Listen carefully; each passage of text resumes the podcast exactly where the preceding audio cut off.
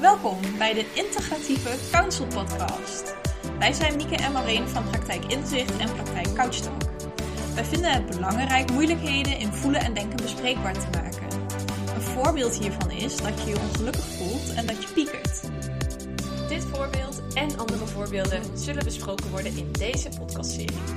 In de Integratieve Counsel Podcast leer je van alles over jouw eigen gebruiksaanwijzing en hoe je deze voor jezelf in kunt zetten. Hey, hallo. Goedemorgen of middag of avond of nou ja, net wanneer je luistert. Leuk, leuk dat je luistert naar deze aflevering over piekeren. Ja, dit is de aflevering waar ik zo naar uitkeek.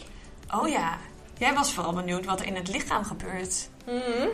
Of nou ja, dat iets wat gebeurt in je gedachten toch ook lichamelijk invloed kan hebben. Mhm, Ja, want hoe kan het nu dat je gedachten invloed kunnen hebben op je gevoel? Of dat je problemen ervaart door te piekeren? En iedereen heeft denk ik wel een beeld bij wat piekeren is, maar wat is het nu? Ja, en ben je je altijd wel bewust van dat je piekert? Ik dacht dat je antwoord ging geven. maar je stelt de vraag terug. Ehm, nou, ik heb het er wel eens met iemand over gehad. En die zei... eh, eh, piekeren is nadenken over een vraag waar je nu geen antwoord op vindt. Want als je het antwoord zou weten, dan zou je er niet over hoeven te piekeren. Ah, ja, dat is mooi verwoord. Eh, bijvoorbeeld als je een sollicitatiegesprek hebt en dan daarvoor al het hele gesprek in je hoofd uitdenkt. Soms wel op drie verschillende manieren. 300. Inderdaad. Je blijft dan maar doorgaan in straks nemen ze me niet aan. En dan gebeurt er dit. En wat gebeurt er als ze me niet aannemen? Dan gebeurt er dat. Ja, en iemand die piekert, die bedenkt daar dan wel 10.000 scenario's voor. Ja, en je- want je weet niet hoe het gesprek gaat zijn. Hmm. Misschien word je juist wel aangenomen. Als je dat zou weten, dan zou je er ook niet druk over hoeven te maken. Ofwel, Ja, want dan komen de volgende vragen. Straks ga ik fouten maken op het werk. Of mogen de nieuwe collega's mij niet? Of ja, straks zijn ze al een groepje en hoor ik er niet bij. ja, of stel, eh, even nog een ander voorbeeld. Ik zou me druk maken over of een vriendin vindt dat ik iets stoms heb gezegd. Dat weet ik niet. Dat weet ik niet. Mhm. De enige optie is dan haar opbellen om het te weten. En zolang ik dat niet weet, kan ik daarover piekeren. Ja, ja, inderdaad. Dan ga je dat voor haar invullen, wat jij denkt, dat zij denkt. Ja. Ehm, ja, we hebben het nu gehad over denken, druk maken, invullen. Allemaal betekenis piekeren.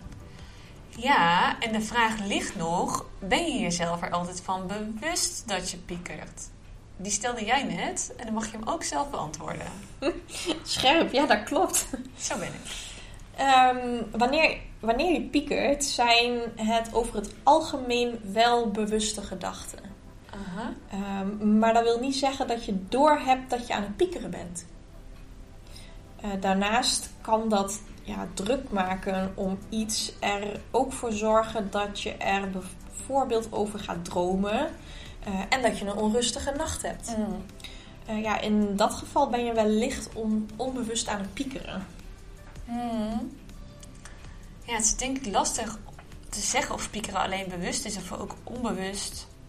Als je piekert kan dat zeker ook invloed hebben op je slaap en slaapproblemen veroorzaken.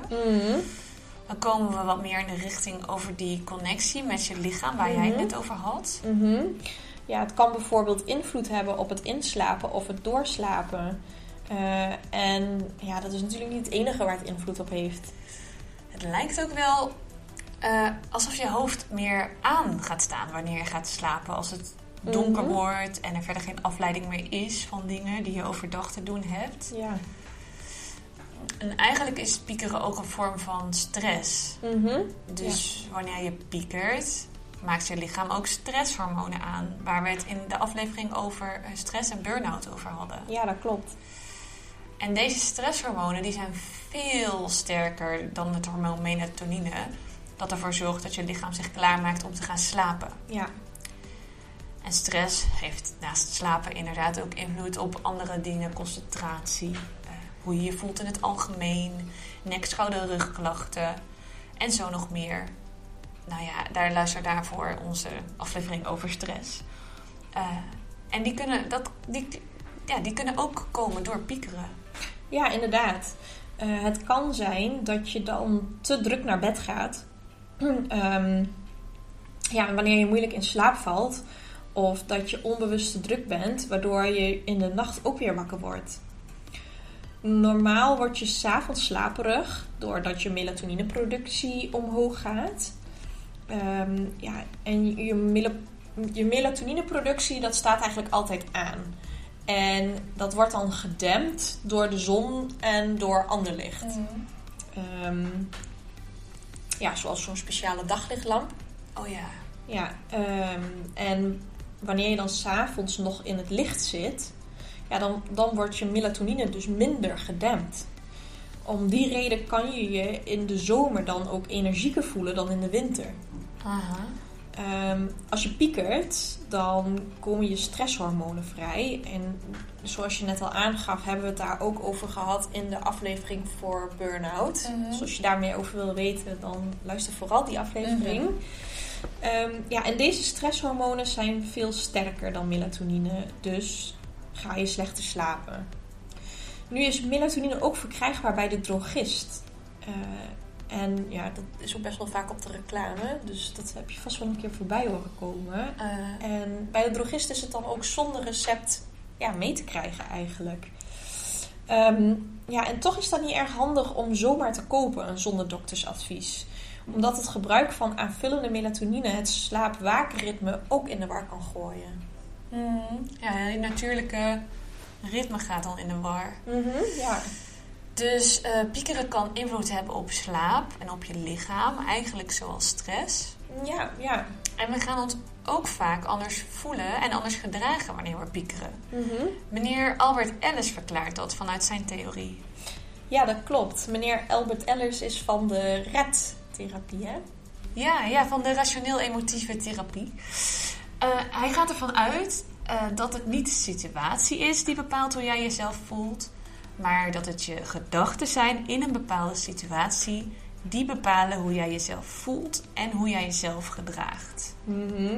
Bijvoorbeeld wanneer iemand hier nu binnenkomt met een taart. En ik denk dan, oh nee, ik ben op dieet, maar ja, shit, het is mijn lievelingstaart en nu mag ik die niet hebben. Terwijl jij denkt, yes, taart, net lunchtijd, komt dat even goed uit? Ja, en ik word dan heel timide, trek me terug, voel me niet zo fijn, terwijl jij er heel blij van wordt. Ja, dus we zitten dan in dezelfde situatie. En omdat we allebei anders denken, voelen we ons anders en reageren we anders. Mhm.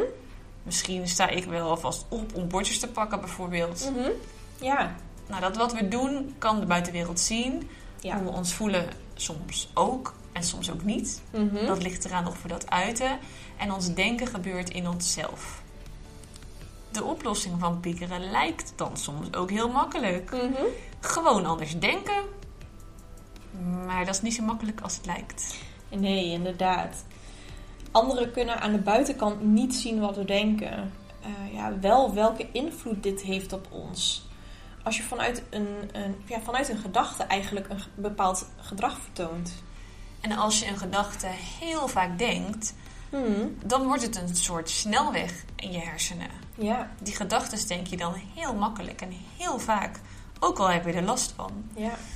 Doordat je zo vaak eh, die gedachten hebt gedacht, zijn ze ingesleten in je hersenen. Hmm, En nieuwe gedachten, dus dat gewoon anders leren denken, mhm. gewoon, dat zie je niet als je luistert, maar ik doe even tussen aanhalingstekens, want dat is dus niet zo gewoon. Ja, Ehm, want die nieuwe gedachten, dat is nog maar een, een voetpaadje waar nog wat takken overheen hangen en wat Ja. nog moeilijk te begaan is. ja.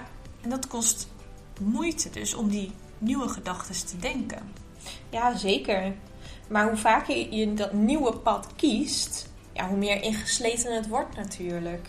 Eh, en eh, dat oude paadje van gedachten, ja, dat gaat dan wel weer opnieuw begroeien met gras en takken. En die wordt dan minder vaak gebruikt, dus het is niet meer nodig. Ja. Er zijn wel een paar voorwaarden om zo'n nieuw paadje te creëren. Ja. Daar werken we in de begeleiding mee. Wanneer zou jij nou iemand aanraden om in begeleiding te komen wanneer iemand last heeft van piekeren? Ja, wanneer iemand er last van heeft natuurlijk. Ja, oké, dat is ook heel persoonlijk natuurlijk. Ja, inderdaad. Eh, het kan zijn dat iemand bijvoorbeeld dus moeite heeft met slapen of stress ervaart. Of misschien dat iemand, doordat hij ergens over piekert, niet tot handelen komt. Dus dingen niet doen en er wel over na blijven denken. Ja, er zijn dus eigenlijk drie momenten waarop iemand kan gaan piekeren voor een situatie. Bijvoorbeeld eh, voor een sollicitatiegesprek, uh, waarop het gesprek wel op honderden manieren vooraf wordt doorgenomen. Of tijdens een situatie, als je daar zit op je gesprek met de mensen tegenover je die het gesprek leiden. Dat jij daar zit en denkt: Oh, help, deze vraag heb ik helemaal niet voorbereid. Ze willen vast iets anders horen dan wat ik nu aan het vertellen ben. Ja, en dan heb je nog na uh, het sollicitatiegesprek, dus na de situatie, in dit geval een sollicitatiegesprek. Bijvoorbeeld wanneer je blijft denken of je wel het goede gezegd hebt. Of misschien ook wel een combinatie. Van alle drie kan je last ervaren en daarvoor kan begeleiding passend zijn. Ja, ja, het kan ook zo zijn inderdaad dat je twee of meer tegelijk last hebt. En dan kan begeleiding inderdaad heel passend zijn. Mm Heb je nog punten die je wilt toevoegen over piekeren? Um, nou ja, ik hoop dat dit onderwerp een beetje duidelijk is geworden. Uh, ja, mochten er nog vragen zijn, dan kunnen ze natuurlijk altijd mailen. Mm -hmm. Wanneer je een persoonlijke vraag hebt, dan echt liever via de mail. Ja. Um, en mocht je een algemene vraag hebben over de podcast of over het onderwerp, dan kun je die onder de post stellen. Misschien hebben anderen er ook nog wat aan. Ja, inderdaad. Uh, en het hoeft natuurlijk geen vraag te zijn. Als je uh, feedback wil geven, dan is dat ook van harte welkom. Suggestie. Ja, zeker. Ja. Een onderwerp dat iemand graag wil horen is ook altijd welkom. Um, ja, en mocht je nog geïnteresseerd zijn in meer onderwerpen, dan uh, luister je ho hopelijk volgende week weer mee. Of luister je andere podcastafleveringen terug. Lekker bingen. Lekker bingen. Tot volgende week. Doei doei. Bedankt voor het luisteren naar de Integratieve Counsel podcast.